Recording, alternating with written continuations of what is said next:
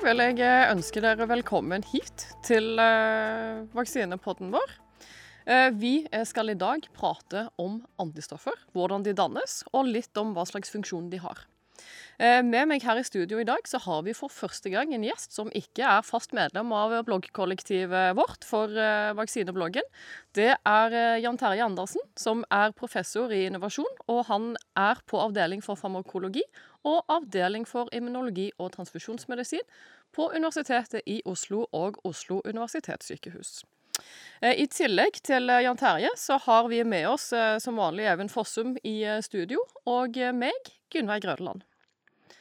Da kjører vi rett og slett i gang vi på antistoffer. Og det aller første som vi går løs på, er litt mer om hvordan vi får dannet antistoffer. Så hva er prosessen, Even, etter at uh, vi blir smittet av et eller annet virus eller noe? Mm. Altså, vi har jo snakket en del om eh, antistoffer og liksom, viktigheten av de når det kommer til å beskytte mot infeksjonssykdommer. Uh, og, og, viktigheten av å danne de ved vaksinering. Men vi har kanskje ikke så snakket så mye om de cellene som faktisk lager antistoffene. Det er da disse B-cellene, som heter. Uh, og når vi blir infisert med et virus eller en bakterie, så vil det transporteres eh, deler av dette bakteriet, enten hele eller i biter, til lymfeknutene våre. Og Det er der vi finner disse B-cellene. Altså B-cellene holder til i lymfeknutene, og der har vi veldig mange av dem. Eh, hvis man ser i en sånn gjennomsnittlig person, så kan man faktisk ha så mye som 1000 milliarder forskjellige B-celler i kroppen. Så i disse lymfeknutene våre så har vi mange forskjellige B-celler som gjenkjenner ulike virus og bakterier. De rett og slett gjenkjenner fremmede elementer og de gjenkjenner veldig, veldig mange forskjellige eh, virus og bakterier. Og det som skjer, er at når en, en B-celle faktisk kommer i kontakt med et uh, virus eller en bakterie som, som, det gjenkjenner, så starter en modningsprosess. Da begynner B-cellen å slett, uh, utvikle seg videre. Den, den uh, utvikler seg på en måte sånn at den gjenkjenner faktisk dette viruset eller bakterien enda bedre. Uh, og den vil også begynne å uh, differensiere, dvs. Si at den begynner å utvikle seg i ulike retninger. Du får da gjerne to sånne hovedgrupper av B-celler. Det ene er sånne hukommelses-B-celler, som da har som funksjon å egentlig ligge litt sånn uh, i dvale og vente på at kanskje denne bakterien eller viruset dukker opp igjen ved en senere anledning. Og så får vi dannelse av såkalte plasmaceller. Og plasmaceller er sånne små antistofffabrikker Eh, som ligger lagret i enten i benmargen vår eller i lymfeknutene, eller så kan det også være i tarmen.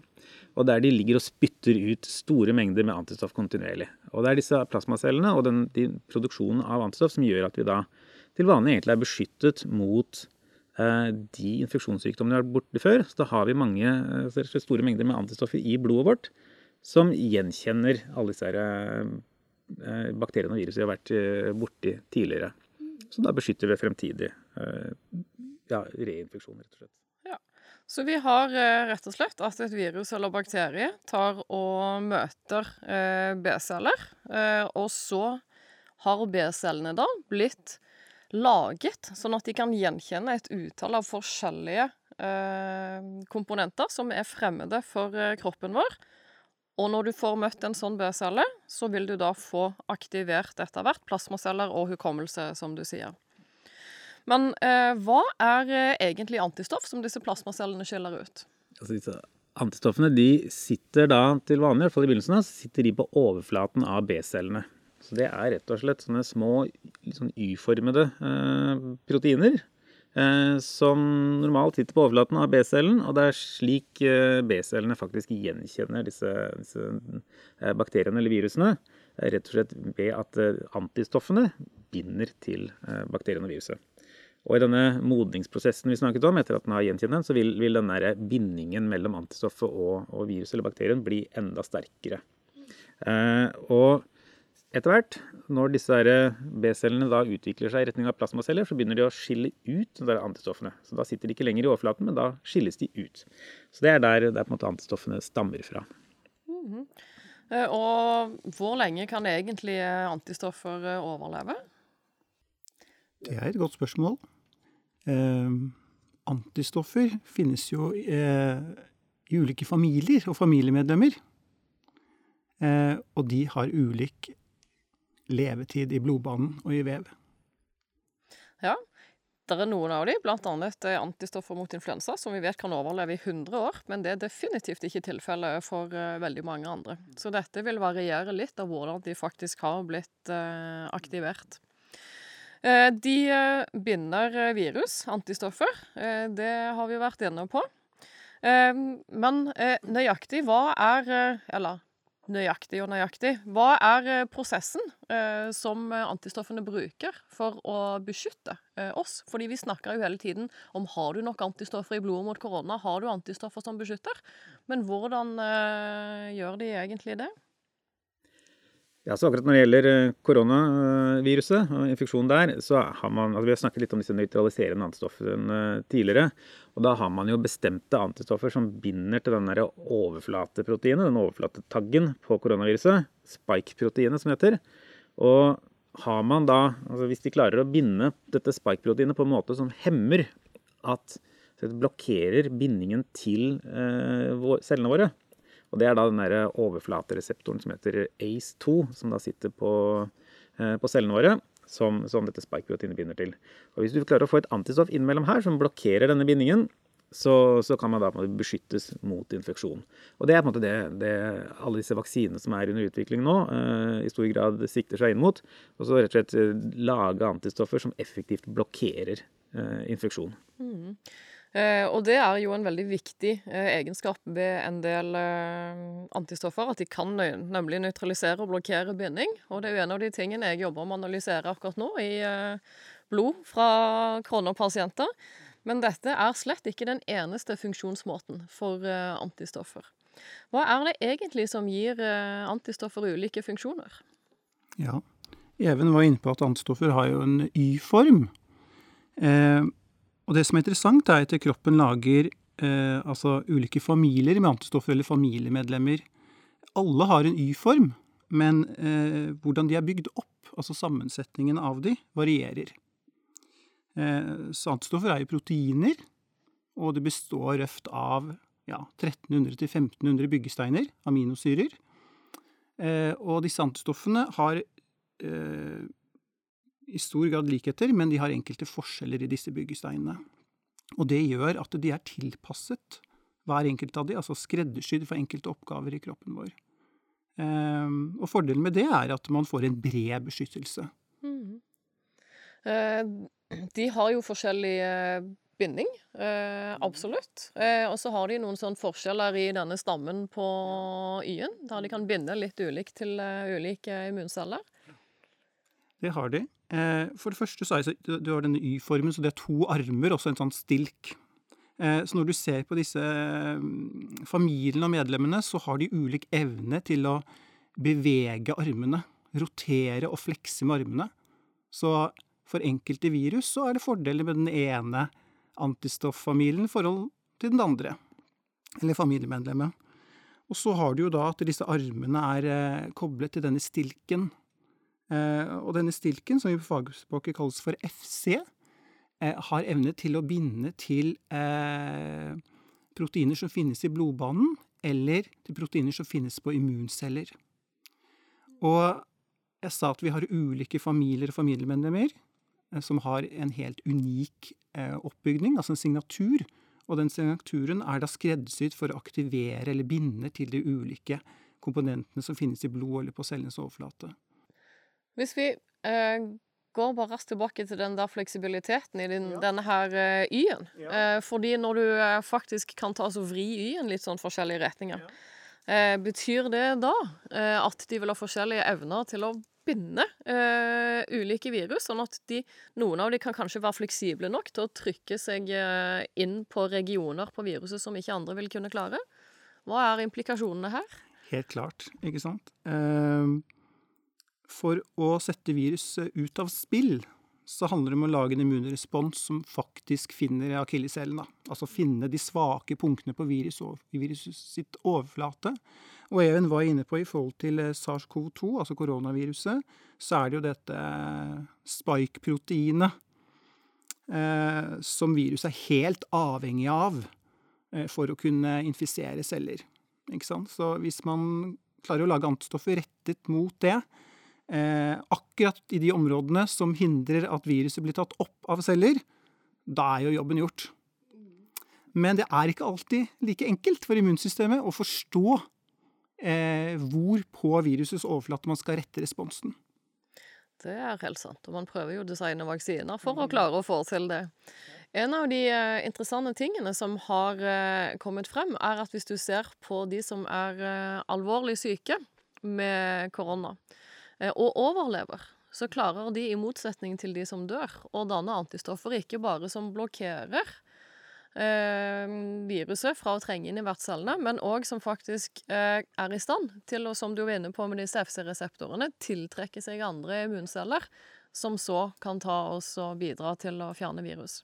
Helt klart. Um Det å studere eh, blokkering, altså i cellekultur i en lab, eh, forteller deg egentlig ikke hele sannheten.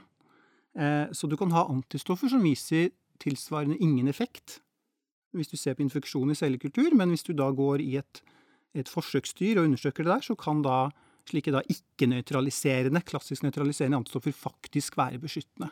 Og det er jo kjempespennende. Og de kan være superviktige. Superviktige. Ja. Eh, ja. Um, du var litt uh, inne på det. Eh, de begynner uh, jo med disse um, FC-reseptorene. Eh, og er det noe vi kan gjøre for å manipulere hvordan antistoffene skal Hvilken funksjon de skal ha? Absolutt. Én ting er jo eh, hvordan antistoffene eh, formes og, og ser ut når man naturlig går gjennom en, gjennom en infeksjon. Eh, der er det jo interessante data i forhold til koronavirus også, at man eh, ser at eh, visse familier antistoffer dominerer i større grad hvor man har alvorlig sykdom. Og spesielt i forhold til hva slags sukkermolekyler som festes til antistoffene. Er Det må du denne si litt mer om. Hva, hvordan festes eh, sukkermolekyler Ja. på antistoffene? Da er vi de? tilbake til denne stilken igjen, og Ja. der finnes det et, ehm, et motiv, kaller vi det, som er bygd opp av disse byggeklossene, altså aminosyrene, som gjør at når antistoffer blir produsert av plasmacellene, så festes det på sukkermolekyler. Og det er ganske komplekse sukkermolekyler, altså forgreininger ut som trær, og avhengig av hvilke sukkermolekyler som festes til, så vil antistoffet enten kunne virke betennelsedempende eller betennelsefremmende. fremmende. Eh, og det som har vist seg, det er at eh, de som går igjennom alvorlig covid-19, de lager faktisk fantastiske antistoffer, men de gjør det litt for seint i sykdomsløpet. Eh, så de lager gode nøytraliserende antistoffer, de som har vært inne på sykehus f.eks. Men de har noe annet som også bidrar til at de, som trolig forverrer sykdomssituasjonen, og det er at de har sukkermolekyler, eller mangel på visse sukkermolekyler på disse forgreiningene, noe som heter fukose. Og når du mangler det, eh, så blir antistoffet mer betennelsesfremmende. Og det gjør at du aktiverer immunceller mye mer, i mye større grad enn en, en, eh, andre former for glukseleringsmønstre. Og man tror at det er med å drive eh, denne kroniske betennelsen som eh, finner sted i lungevevet.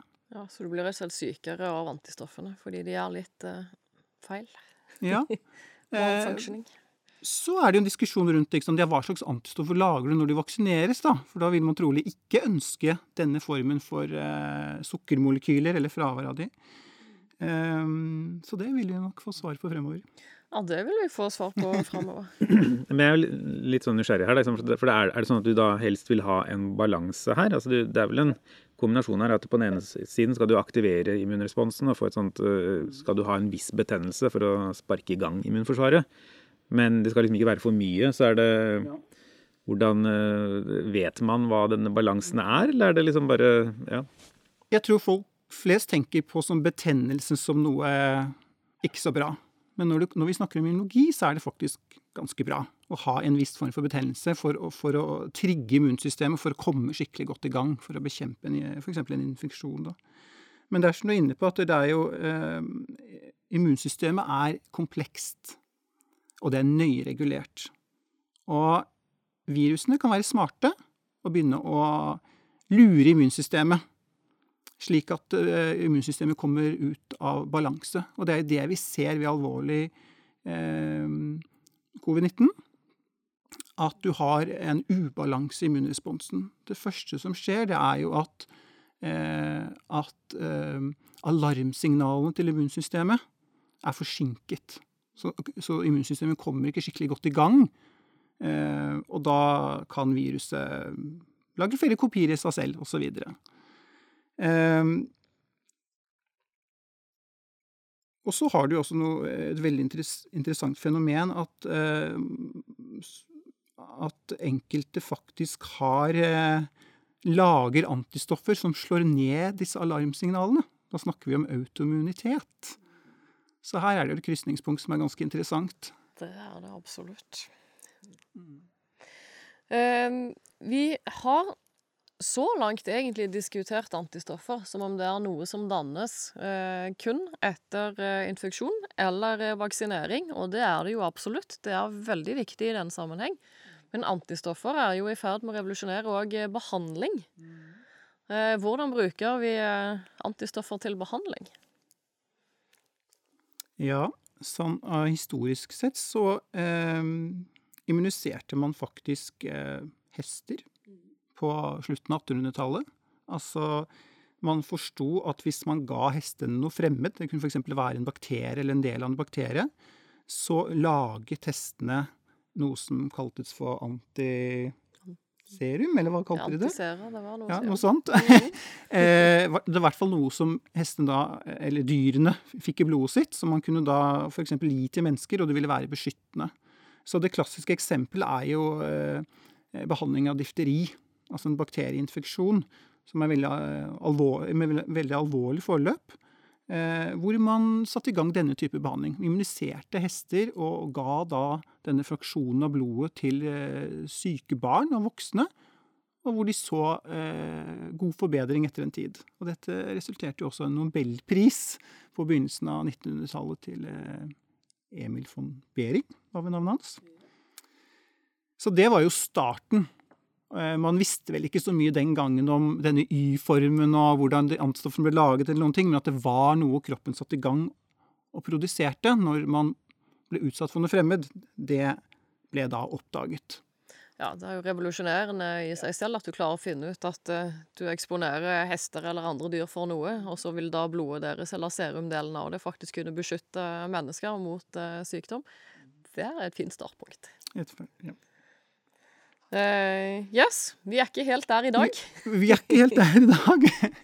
uh, det er jo faktisk slik at man bruker noe tilsvarende i behandling hvis man ikke har noe alternativ, og det har det jo stått også mye i media om i det siste. ikke sant? Dette bruk av eh, konvalensplasma, som det heter. Det betyr at man kan eh, samle blod, og det er en fraksjon som heter plasma, fra personer som har vært gjennom et alvorlig sykdomsløp og har overlevd.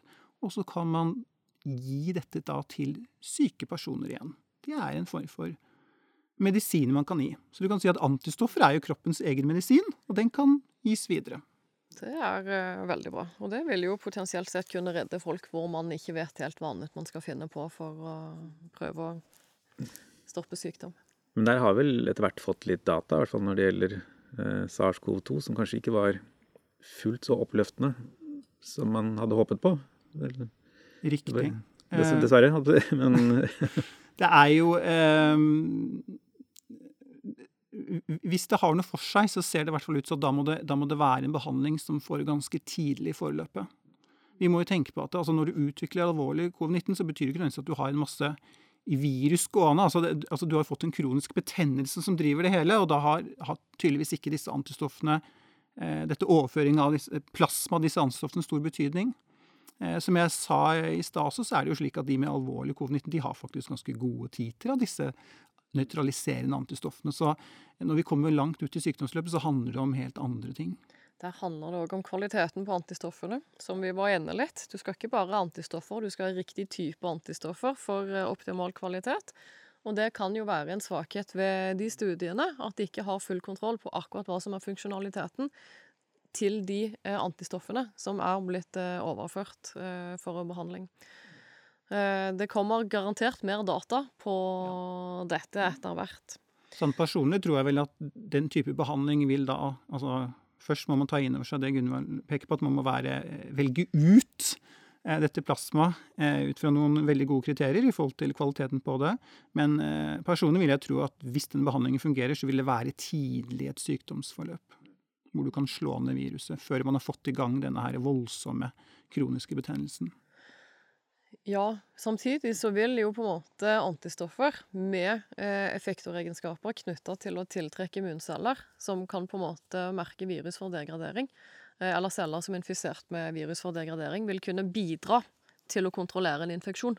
Det vil ikke alene være løsningen, men det kan kanskje gi det lille pusterommet som gjør at alternativ eh, behandling funker. Eh, men eh, det er òg eh, sånn at eh, antistoffer eh, brukes ikke bare som seere i dag. fordi For enkelte behandlingsmåter så vil vi gjerne vite nøyaktig hva vi faktisk introduserer, og en nøyaktig funksjon på de antistoffet vi anvender. Og da kan vi bruke noe som eh, kalles for monoklonale antistoffer. Og hva er det, Jan Terje? Monoklonale antistoffer det er antistoffer som vi lager i laboratoriet og i store fabrikker i enorme mengder.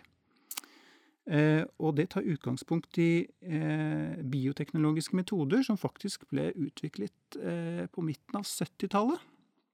Og resulterte også, resulterte også, i en nobelpris, mener jeg. Som gjorde det da mulig å produsere monoklonale antistoffer. Monoklonale antistoffer er da Ett monoklonalt antistoff er et antistoff som eh, har eh, en fraksjon av et monoklonalt antistoff eh, ser, Altså alle ser helt like, like, ut. Det er det som er eh, greia. Ehm, så det som har blitt mulig over tid, er at man kan Man har utviklet metoder som gjør at jeg faktisk kan eh, kan produsere et stort repertoar av eh, antistoffene som Gunnveig har, og se på de enkeltvis. Og det har vi jo sett nå har blitt gjort i stor skala uh, under pandemien vi er i. At man har veldig raskt eh, høstet da bioplasmaceller fra individer som har vært gjennom covid-19, og så har man lett etter de virkelig gode antistoffene som har den evnen til å blokkere virus eh, til å infisere. Mm. Så man leter selektivt etter akkurat det antistoffet som har akkurat den egenskapen ja. du har, og så kopierer du det opp i store mengder. Kopierer i store mengder, og i tillegg til det så kan vi klippe og lime litt i dette antistoffet for å skreddersy de eh, for visse formål. Mm. Og ad note, dette er en av Jan Terje sine spesialiteter. Dette liker vi å holde på med. Dette er eh, ja, sløyd. Jepp. Hva er det du gjør med dem når du tar og klipper og limer i dem? Hvilke egenskaper er det du ønsker å dyrke fram? Ja, eh, det kommer helt an på hva målet er.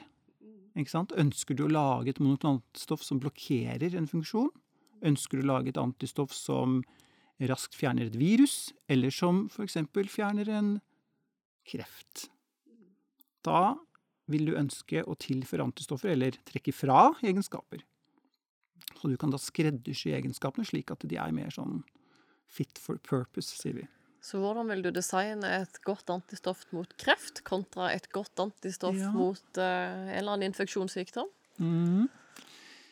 Du kan si det. Uh, altså dette her med bruk av uh, konvalensplasma er jo, er jo ikke det, det, brukes ikke i stor skala. Det er dette her med monoklonale antistoffer. Det er jo en gruppe med legemidler som er i det er den gruppen med legemidler som er i sterkest vekst. Det er over 100 monoklonale, ulike monoklonale antistoffer som er godkjent for klinisk bruk.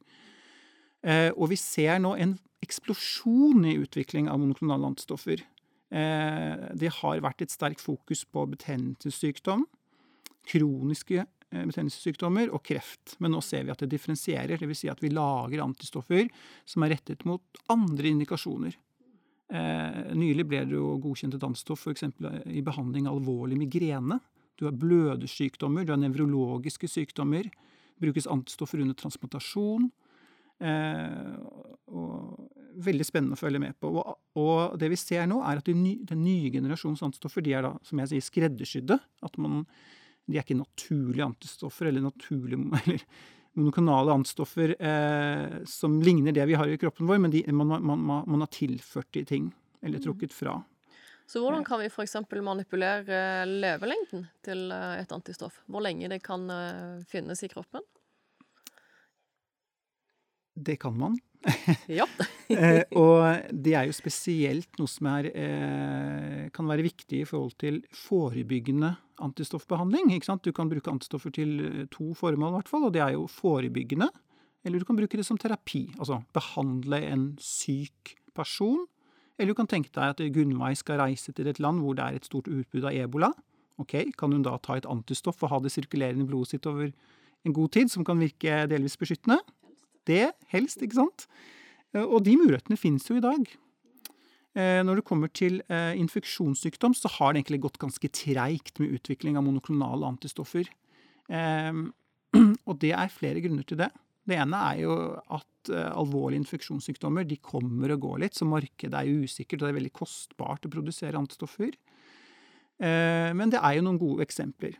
Men det vi ser nå, er eh, altså en økning og utvikling av monoklonale i den retningen. Så det er mange selskaper som hever seg på, også ideelle organisasjoner. Og en av grunnene til det, det er også at vi har fått mye mer kunnskap. Det er her grunnforskningen kommer inn. At eh, for å lage gode, skreddersydde monoklonale så må du faktisk forstå biologien, og du forstå hva som går galt når du utvikler alvorlig sykdom. Først da kan vi da skreddersy de. Nei, jeg tenker på at Vi har jo også sett eh, altså, utvikling av, av monoklonale antistoffer mot uh, SARS-CoV-2-viruset, som har, har vært med i behandling der. og det er vel kanskje den mest populære uh, pasienten der er vel Donald Trump, som, som angivelig har fått en cocktail av dette her. Og, altså, kan, du, kan du si noe om det? Altså, hva, hva er det de, de monoklonale antistoffene hva er det som er spesielt med de for å blokkere infeksjon? Og eventuelt hvor, hvor godt funker de? Ja. Eh, det er Jeg tror det er opp mot 200 monoklonale antistoffer nå som er rapportert, som har evne til å blokkere koronaviruset fra å infisere celler. Og 10-15 av disse her er nå under klinisk utprøving. Eh, og som kjent, og som fikk mye oppmerksomhet i skyggen av vaksineløpene, så fikk jo da Donald Trump denne her cocktailen med antistoffer, eh, laget av et selskap som heter Regeneron, et veldig etablert amerikansk selskap som har tatt mange monoklonalstoffer til markedet. De kastet seg tidlig ut et, eh, på denne bølgen. Eh, når det kommer til eh, hvor godt de virker, det er jo et stort spørsmål sånn i klinisk sammenheng, og jeg tror om de vil virke godt eller ikke, vil avhenge av når i forløpet man gir de. Så det man har sett så langt, er at hvis de gis seint i løpet på alvorlig syke, i hvert fall i forhold til den Re- Regeneron-cocktailen, så har det ingen eller moderat effekt, men sier man det tidlig, så har det større effekt. Det gir jo mening ettersom de kan bidra til å begrense virusformering mer effektivt hvis de ikke har etablert seg så veldig mye. Vi snakket om at Trump har eh, fått uh, cocktailer av monoklonale antistoffer. Men er egentlig monoklonale antistoffer noe man kan se for seg brukt eh, globalt? Er det så enkelt å produsere at man kan gjøre det billig og stort nok til at det faktisk utgjør en eh, forskjell? I dag er det jo ikke slik, eh, dessverre. Eh, Monoklonale antistoffer har revolusjonert behandlingen av mange typer sykdommer. Altså redde liv gjør det. Det er slik at det er en urettferdighet i forhold til dette her, og 80% av den globale befolkningen har ikke tilgang til denne type moderne medisin. Og det må vi gjøre noe med. Og det er mange internasjonale initiativer som jobber i den retningen. Og dette her har jo også vært belyst i forhold til tilgangen på covid-19-vaksiner, men også disse monoklonale antistoffcocktailene som nå er under eh, utvikling. Jeg tror du har et ganske kult prosjekt mot uh, hiv i så henseende, har du ikke det? Ja. Uh, jeg syns det. Det er jo eh, sant, det er kostbart å produsere monoklonalstoffer. og hvis, og hvis man skal bruke de eh, i behandling over tid, så må det gjøres på en kostnads, kostnadseffektiv måte. Så var vi også inne på dette med forebyggende antistoffbehandling. Da er vi tilbake til dette med levetid. Eh, altså hvor lenge forblir medisinen i kroppen? Hvor går den? Hvor lenge vil den ha da det vi kaller for virkningstid? Skal man behandle eh, forebyggende eller, eller behandle infeksjon i eh, utsatte områder, lett si eh, sør for Sahara, hvor det er høy forekomst av hiv, så holder det ikke å ha bare veldig gode antistoffer, men du må tilføre de egenskaper som gjør det faktisk eh, eh kostnadseffektivt. Og da kommer dette her med levetid inn. Og eh, vår lab og andre laber internasjonalt, også selskaper, har da utviklet antistoffteknologier som vi kan tilføre disse monoklonale antistoffene, legge på toppen, slik at de kan sirkulere i kroppen over mye, mye lengre tid. Så kanskje istedenfor å trenge en eh, tilførsel av antistoff eh, hver tredje uke, kanskje du kan ta antistoff én eh, til to ganger i året. Det høres jo veldig lurt ut, og vi gleder oss til å se mer progresjon her eh, framover. Eh, så for å oppsummere, antistoffer er ikke antistoffer. De har en spesifisitet for eh, et eller annet på et virus. Og litt avhengig av hvilken evne de har til å tiltrekke seg andre immunceller i tillegg, så vil de òg være i stand til å beskytte på litt ulike måter. Da vil jeg eh, takke for at du har fulgt oss så langt i dag. Vi har hatt det hyggelig med å prate. Jeg håper du hadde det hyggelig med å høre på oss. Jeg vil òg si tusen takk til eh, Morten eh, Skoglund fra Avdeling for eh, medisinsk informatikk ved Universitetet i Oslo, som har bidratt med tekniske hjelp under opptak. Takk.